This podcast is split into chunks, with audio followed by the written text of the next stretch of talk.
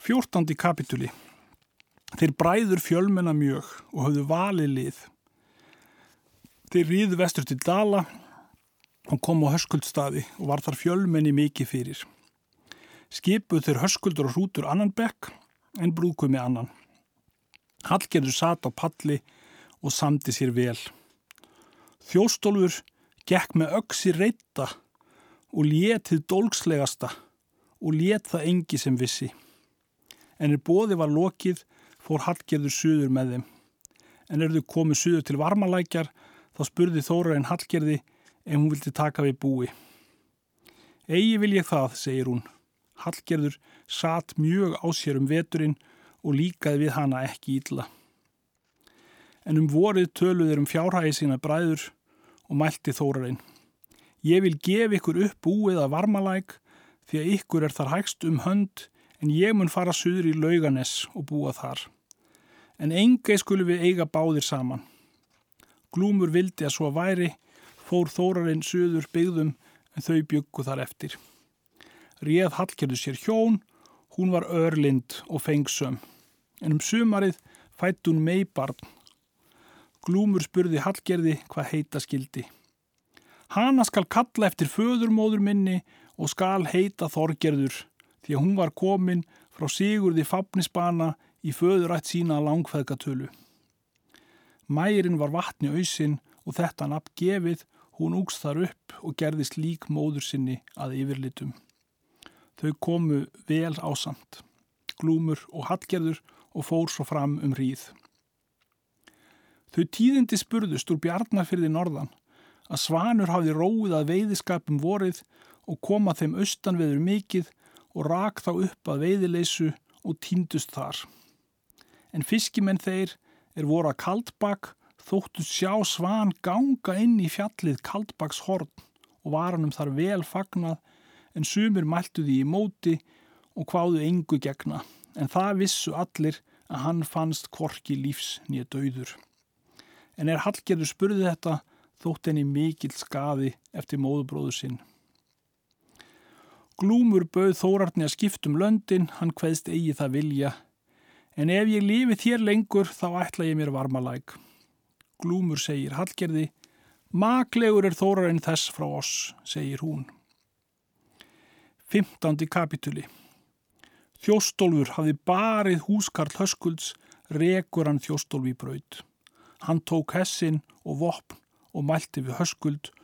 Nú mun ég á braud fara og koma aldrei aftur. Allir munu því fagna, segir höskuldur. Þjóstólur reið til þess er hann kom til varmalækjar, hann hafði þar góðar viðtökur af Hallgerði en eigi ítlar af glúmi.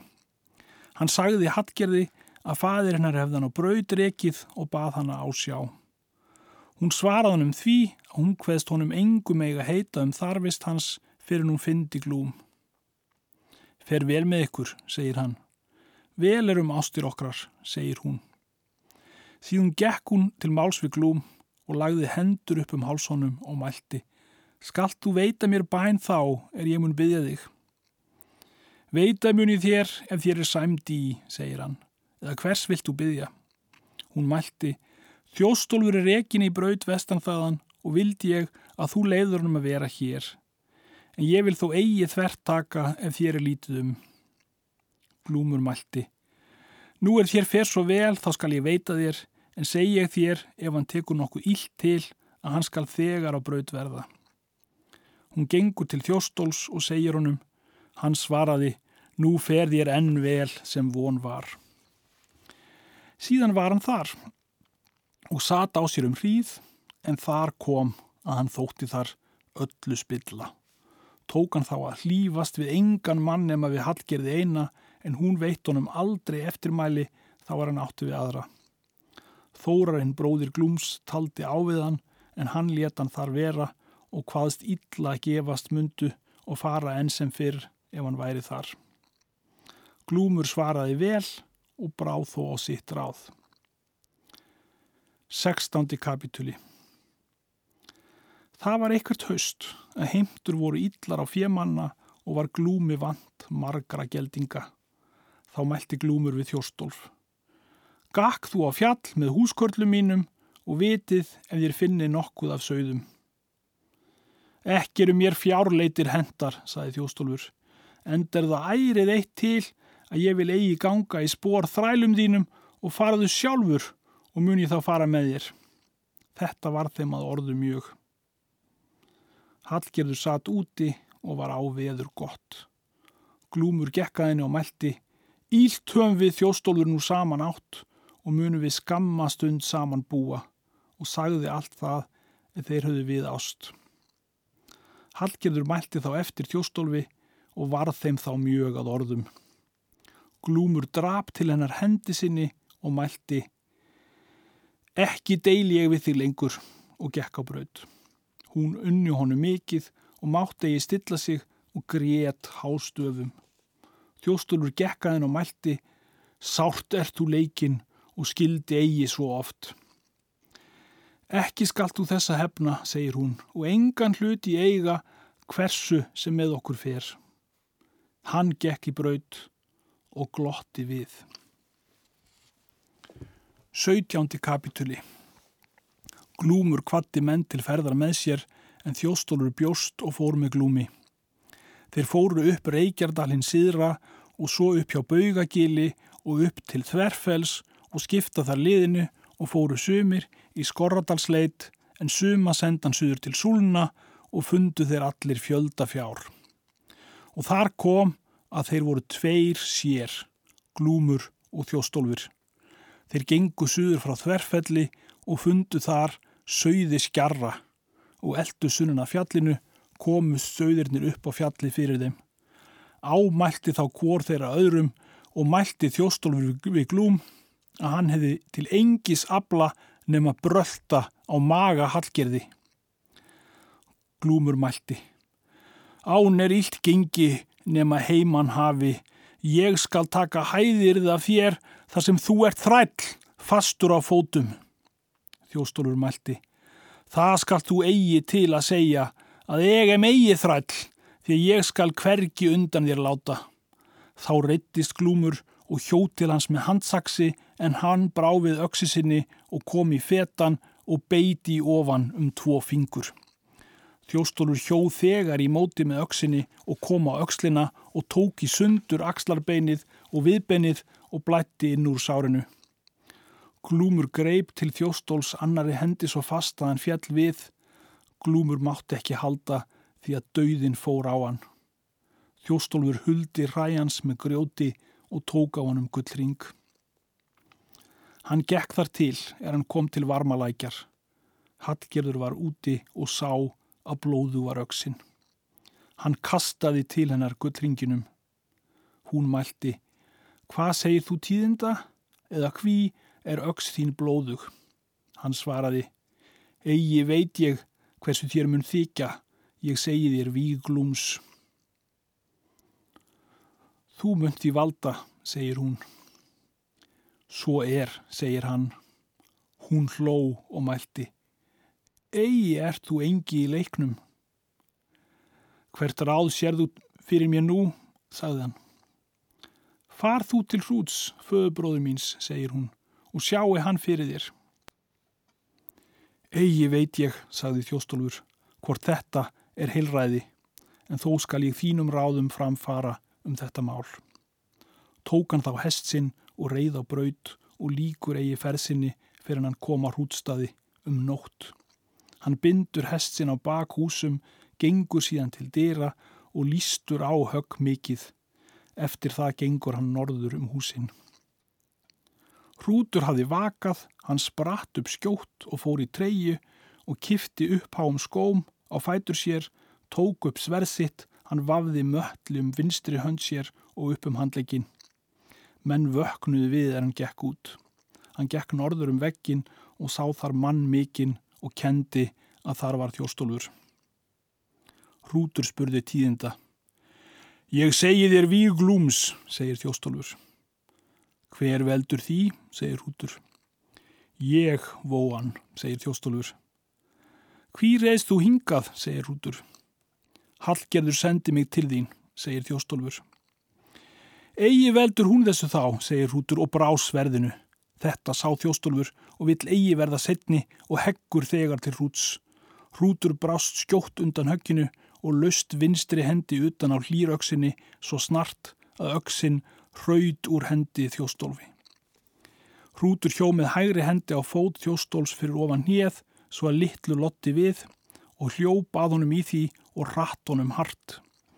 Hrútur hjóð þá í höfuð þjóstólfi og veitt honum bana sár.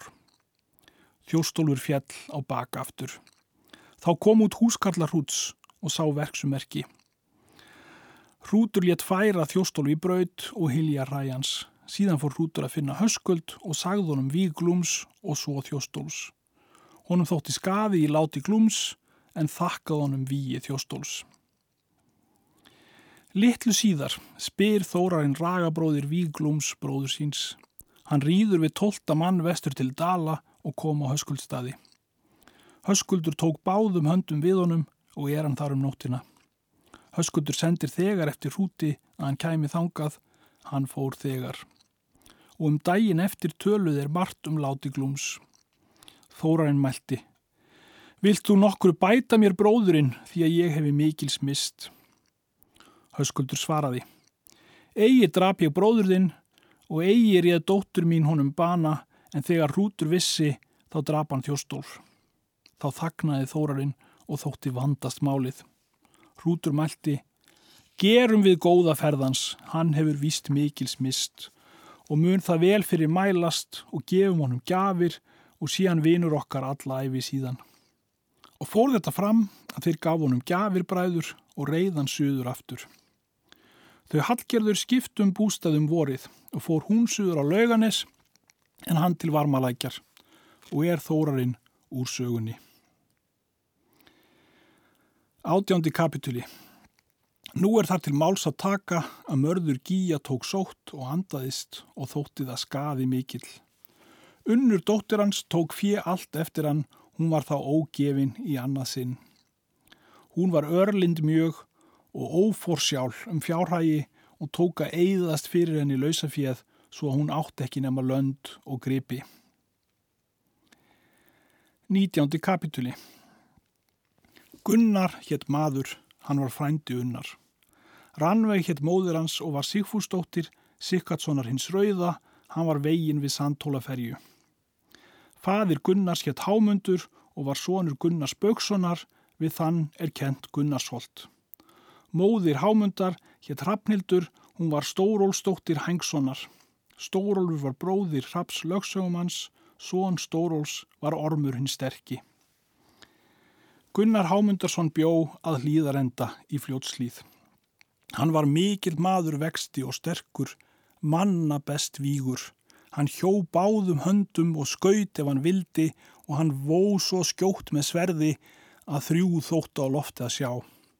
Hann skaut manna besta boga og hæfði allt það er hann skaut til. Hann hljóp meirinn hæð sína með öllum herklaðum og eigi skemra aftur en framfyrir sig. Hann var syndur sem selur og eigi var sá leikur að nokkur þurfti við hann að keppa og hefur svo verið sagt að engi væri hans jafningi. Hann var vætna yfirliti og ljóslitaður, réttnefjaður og hafið upp í framanvert bláeigur og snareigur og róði í kinnunum. Hárið mikið, gullt og fór vel. Manna kurtesastur var hann, harðger í öllu, fjemildur og stiltur vel, vinfastur og vinavandur. Hann var vel auður að fjö. Bróðir hans hétt Kolskeggur, hann var mikill maður og sterkur, drengur góður og örugur í öllu. Annar bróðir hans hétt Hjörtur, hann var þá í barnesku. Ormur skóarnef var bróðir Gunnars laungetin og er hann ekki við þessa sögu. Artgunnur hétt sýstir Gunnars, hana átti hróar tungugóði, sonur una hins óborna Garðarssonar, sá fann Ísland. Són Artgunnar var hámundur haldi er bjó á hámundarstöðum. 20. kapli Njátt hétt maður. Hann var són Þorgir Skollnis Þórólssonar. Móðir Njáls hétt Áskerður og var dóttir Áskels Hersis hins ómálka. Hún hafi komið út hinga til Íslands og numið land fyrir austan markarfljót, milli Öldusteins og Seljilandsmúla. Sónur hennar var Holtaþórir, fadir þeirra Þorleifs Kráks er skóverjar eru frákomnir og Þorgrims hins mikla og skorar geirs. Njál bjóða Bergþórskóli í landegjum, annað bú áttan í Þórólsfelli. Hann var vel auðugur að fjö og vætnað áliti en sá hlutur var á ráði hans að honum óks eigi skegg. Hann var lögmaður svo mikill að engi fannst hans jafningi, vitur var hann á forspár, heilráður og góðgjarn og varð allt að ráði það er hann réðmönnum. Hóvar og drenglindur, langsýtt og langminnugur, hann leisti hvers manns vandraði er á hans fund kom. Bergþóra hétt kona hans, hún var skarpiðins dóttir. Kvenskörungur mikill og drengur góður og nokkuð skaphörð. Þau áttu sex börn, dætur þrjár og sónu þrjá og koma þeir allir við þessa sögu síðan. 21. kapituli Nú er þar til máls að taka er unnur hefur látið allt lausa fyrir sitt. Hún gerði heimann ferð sína til líðarenda og tók Gunnar vel við frændkonu sinni. Var hún þar um nóttina. Um daginn eftir sátuði úti og töluðu. Þar komu niður ræður hennar að hún sagði honum hversu henni fjall þú til fjár. Íll er það, sagðan. Hver úrræði vilt þú veita mér, sagði hún. Hann svaraði, hafðu fjö svo mikið sem þú þart er ég á að leigustöðum. Egi vil ég eigða fjö þínu, segir hún. Hversu viltu þá, segir hann. Ég vil að þú heimtir fjö mitt undan hrúti, segir hún. Egi þykir mér það vænt, segir hann. Þar er fadirinn fjekka ég heimt og var hann lögmaður mikill en ég kann lít til laga. Meir þreytir hrútur það með kappi en með lögum, segir hún. En fadir minn var gamal og þótti mönnum því það ráð að þeir þreyttu það ekki með sér. Enda er sá engi minni ætt að gangi þetta mál ef þú hefur eigið þreg til. Þóra mun ég, segir hann, að heimta fyrir þetta, en eigi veit ég hversu upp skal taka málið. Hún svaraði, farðu og finn njál að Bergþórskóli. Hann mun ráðinn kunna til að leggja. Er hann nóg vinn þinn mikill? Vonir mér að hann ráði mér heilt sem öðrum, segir hann. Svo laug með þeim að Gunnar tók við málinu en fjekk henni fjö til búsín sem hún þurfti og fór hún heim síðan. Gunnar rýður nú að finna njál og tók hann við honum vel og gengu þegar á tal. Gunnar mælti, heilræði ég með komin að sækja þér. Njál svaraði, margir eru þessi vinir mínir maklegir að ég leggji til það sem heilt er, en þó ætla ég að leggja mesta stund á við þig. Gunnar mælti, ég vil gera þér kunnugt að ég hefi tekið fjárheimtu af unni á hrút. Það er mikið vandamál, segir Njál, og mikið hætta hversu fer, en þó mun ég til leggja með þér það er mér þykir vænast og mun það endast ef þú bregður eigi af, en líf þetta er í hættu ef þú gerir eigi svo. Hvergi skal ég afbregða, segir Gunnar. Þá þagði Njál nokkra stund og mælti síðan. Hugsað hef ég málið og mun það duga. 20. annar kapituli Nú skalt þú ríða heimann við þriðja mann. Skalt þú hafa voskupl istan klæða og undir söluvóðar kirtil mórendan. Þar skalt þú hafa undir hinn góðu klæðin og tapar öks í hendi. Tvo hesta skal hafa keriðar, aðra feita en aðra magra. Þú skalt hafa hérna smíði, þér skulu ríða þegar á morgun og er þér komið yfir hvita á vestur skaltu láta slota hattin mjög. Þá mun eftir spurt hver sé sá hinn mikli maður. Förunautar þínir skulu segja að þar sé kaupa hérinn hinn mikli, eifirskur maður og fari með smíði. Hann er maður skapillur og markmæltur, þykist einn vita allt, hann rekur aftur kaup sín oftlega og flýgur á menn þegar eigi er allt gert sem hann vil. Þú skalt ríða vestu til borgarfjörðar og láta harvetna fallt smíði og reka aftur kaupin mjög. Mun þá sá orðrómur áleggjast að kaupa hérðin sé manna vestur viðfangs og síst sé logi frá honum. Þú skalt ríða til Norðurárdals og svo til Hrútafjörðar og til Laxárdals og til þess er þú kemur á höskuldstaði. Þar skalt þú vera um nótt og sitja utarlega og drepa niður höfði. Höskuldur mun mæla að ekki skuli eiga við kaupahíðin og segja hans í óvinnveittur. Síðan myndu fara í braut morgurin eftir og koma á næsta bæ hjá hrútstöðum. Það skalt þú láta fallt smíðið og hafa það uppi af er verst er og berja í brestina. Bóndi mun higgja og mun hann finna brestina, þú skalt nikja af honum og mæla ítla við hann. Hann mun segja þess ég von að þú gefist honum eigi vel er þú gefst öllum öðrum illa. Þú skalt fljúa á hann þótt þú sért í óvanur og stiltu þó aflinu að þú verðir eigi kendur og ekki sé grunað. Þá mun sendur maður á hrútstaði að segja hrúti að betra mun að skilja ykkur, hann mun þegar senda eftir þér en þú skalt á þegar fara. Þér mun skipa á hinn óaðra bekk gengt endvegi hrúts. Þú skalt kveðja hann og mun á það þér vel svara.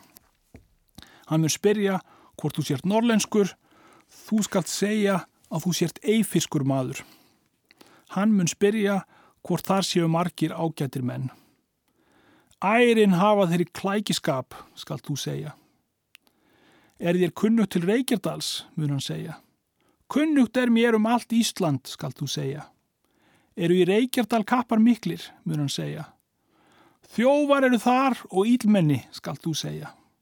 Þá mun hrútur hlæja og þykja gaman að. Þið munu tala um menn í östfyrringafjörðungi og skalt þú öllum fá nokkuð ámæli.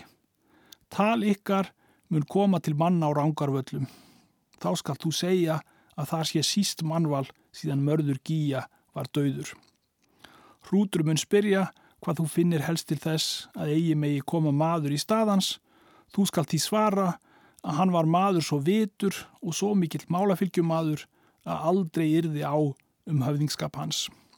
Hann mun spyrja hvort hér sé nokkuð kunnugt af hversum fór með þeim hrúti.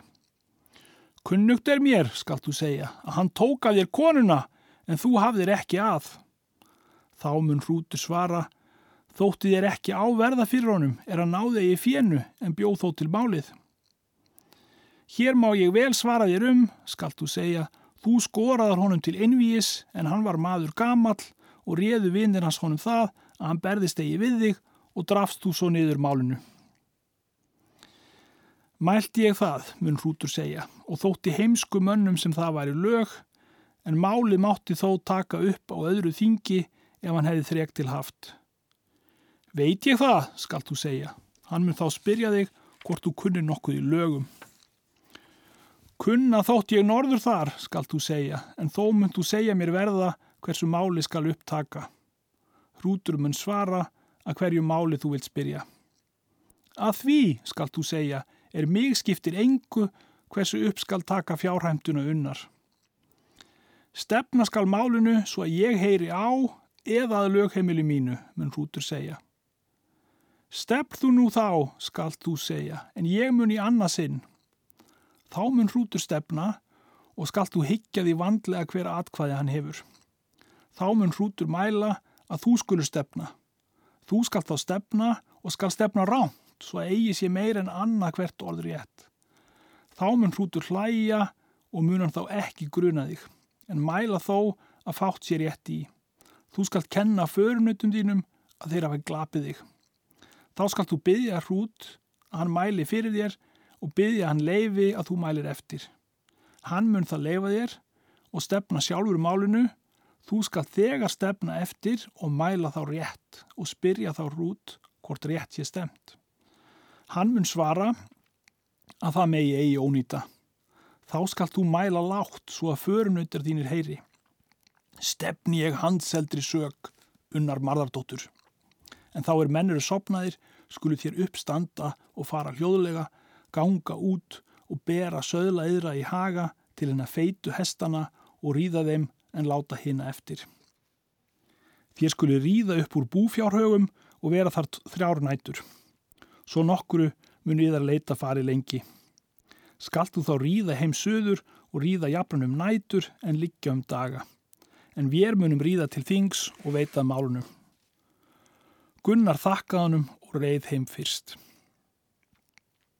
23. kapituli Gunnar reið heimann tveim nóttum síðar og tveir menn með honum þeir riðu þar til þeir komu á bláskóa heiði. Það riðu menni í mótið þeim og spurðu hver sá væri hinn mikli maður er svo lít var síndur en förunautar hann sögðu að þar var kaupa híðin. Þeir sögðu að þá var eigi hins verra eftir von er slíkur fór fyrir. Hann híðin létt þegar sem hann myndi á þá ráða en þó fóru kórir leið sína. Gunnar fór með öllu ráði sem fyrir hann var lagt og var á höskuldstöðum um nótt og fór þaðan ofan eftir dal og kom á næsta bær hútstöðum Þar let hann fallt smíðið og seldi þrjá smíðiskripi. Bondi fann að ávar smíðinu og kallaði fals í. Hjeðin reð þegar á bonda. Það var sagt hrúti, hann sendi eftir hjeðni, fór hann þegar á fund hrúts og hafði þar góðar viðtökur. Skipaði hrútur honum gagvart sér. Fóru orð þeirra mjög sem njál ætlaði. Þá saði hrútur honum hversu uppskildi taka málið og stemdi hann fyrir málinu en hann mælti eftir og stemdi ránt. Þá brosti Rútur og grunaði ekki. Þá mælt hann að Rútur skildi stefni í annarsinn, svo gerði Rútur. Hjeðin stemdi þá í annarsinn og stemdi þá rétt og vittnaði undir förunita sína að hann stemdi handseldri sög unnar marardóttur. Hann fór til svepp sem aðri menn um kveldið en þegar er Rútur var sopnaður tóku þeir klæði sín og vopn og gengu út og fóru til hesta sinna og riði við rána og svo fram hjarðarholts megin Þar til er þraut dalinn og eru þar í fjöllunum millum og haugadals og komu sér þar er eigi mátti finna þá fyrir en ríði væri að þeim. Höskuldur vaknaði þessa nótt á höskuldstöðum öndverða og vakti upp alla heimamenn sína. Ég vil segja þurr drauminn, segir hann. Ég þóttum sjá bjardýri mikið ganga út úr húsunum og vissi ég að eigi fannst þessa dýrs maki og fylgduði í húnar tveir og vildu þeir vel dýrinu. Það stemdi til hrútstaða og gekk þar inn í húsin, síðan vaknaði ég. Nú vil ég spyrja eður hvað þér sáuð til hins mikla manns. Eitt maður svaraði honum. Það sá ég að framundan erminni kom eitt gullhlað og raut klæði á, á hægri hendi hafðan gullring. Hauskuldur mælti. Þetta er einskis manns fylgja nema Gunnars frá hlýðarenda Þykjumst ég nú sjá allt eftir, skulum ég nú ríða á hrútstaði. Þeir gengu út allir og fóru á hrútstaði og drápa á dyr, en maður gekk út og lauk upp hörðinni. Þeir gengu þegar inn. Hrútur lág í lokrekki og spyr hverjir komnir eru. Höskuldur sagði til sín og spurði hvað það veri gesta. Hann segir, hér er kaupaheðin. Höskuldur segir, breyðar í munum bakið, ég get verið munum hafa Gunnar frá hlýðarenda. Þá mun hér slægleiks munur orðið hafa, segir Rútur. Hvað er það orðið, segir Höskuldur. Ég sagði honum hversu uppskildi taka málið unnar og stemdi ég mér sjálfur en hann stemdi eftir og munan þann hafa málatulbúnaðinn og er sá réttur. Mikill er visku munur orðin, segir Höskuldur, og mun eigi Gunnar einn hafa um ráðið. Njál mun þessi ráð hafa tillagt því að engi er hans makið að viti. Þeir leita nú hérðins og er hann allur í brautu.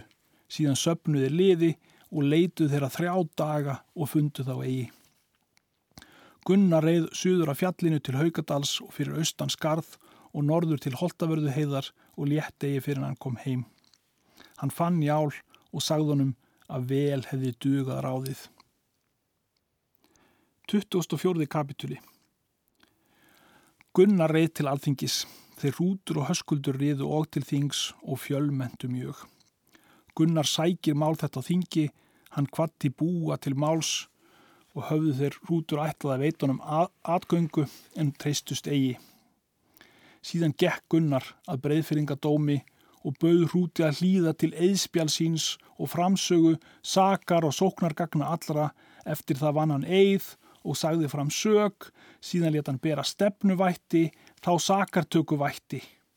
Njál var eigi við dómin.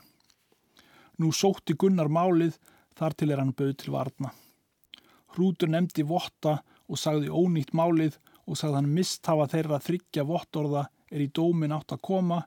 Eitt það er nefndar fyrir rekkjustokki, annað fyrir karldyrum, þriðjaða lögbergi. Njátt var þá komin til dómsins og hvaðst borgið munu geta málinu og sökinni ef þeir vildu það þreita. Egi vil ég það, saði Gunnar. Ég skal gera hrúti slíkan sem hann gerði merði frænda mínum. Eða hvort eru þeir bræður svo nær, hrútur og höskuldur, að þeir megi heyra mál mitt? Heyra megum við, segir hrútur. Eða hvað viltu? Gunnar mælti. Þeir sé heyrandi vottar er hjá eru að ég skora þér hrútur til holmgöngu og skulum við berjast í dag í holmi þeim er hér er í öksar á. En ef þú vilt eigi berjast við mig, þá greið þú út fjöð allt í dag. Síðan gekk Gunnar frá dóminum með öllu sínu föruniti. Þeir höskuldur og hrútur gengu og heim og var máli kvorki sótni varið þaðan af. Hrútur mælti er hann komin í búðina. Það hefur mig aldrei fyrri hend að nokkur maður hafi mér holmgöngu bóðið að ég hafi undan gengið. Það mynd þú ætla að berjast, segir höskuldur, en eigi skal það ef ég ræð því eigi fer þér nær við gunnar en merði myndi við þig og skulu við heldur greiða fjöð báðir saman Gunnari. Síðan spurðu þeir bræður bændur hvað þeir vildu tilleggja. Þeir svöruðu allir að þeir vildu tilleggja slíkt sem hrútur vildi. Göngum þá, segir höskuldur, til búðar Gunnars og greiðum á höndum fjöð. Þeir gengu til búðar Gunnars og kölluðan út. Hann gekk út í dyrnar og menn með honum. Höskuldur mælti, nú er að taka við fjönu. Gunnar mælti, Greiði nú þá, því að ég em nú búin við að taka. Þeir greittu fjeð allt vel af hendi. Þá mælti höskuldur. Njót þú sem þú hefur aflað. Vel munu við njóta því að sönn er fjárheimtan, segir Gunnar. Hrútur svaraði, Ídlu mun þér launað verða. Fer það sem má, segir Gunnar. Þeir höskuldur gengu heim til búðar sinnar og var honum mikið í skapi og mælti til hrúts. Hvort mun Gunnari aldrei hefnast þessi ójafnaður? Egi mun það, segir Rútur, hefnast mununum víst og munas verða í því engi hemd nýja frami.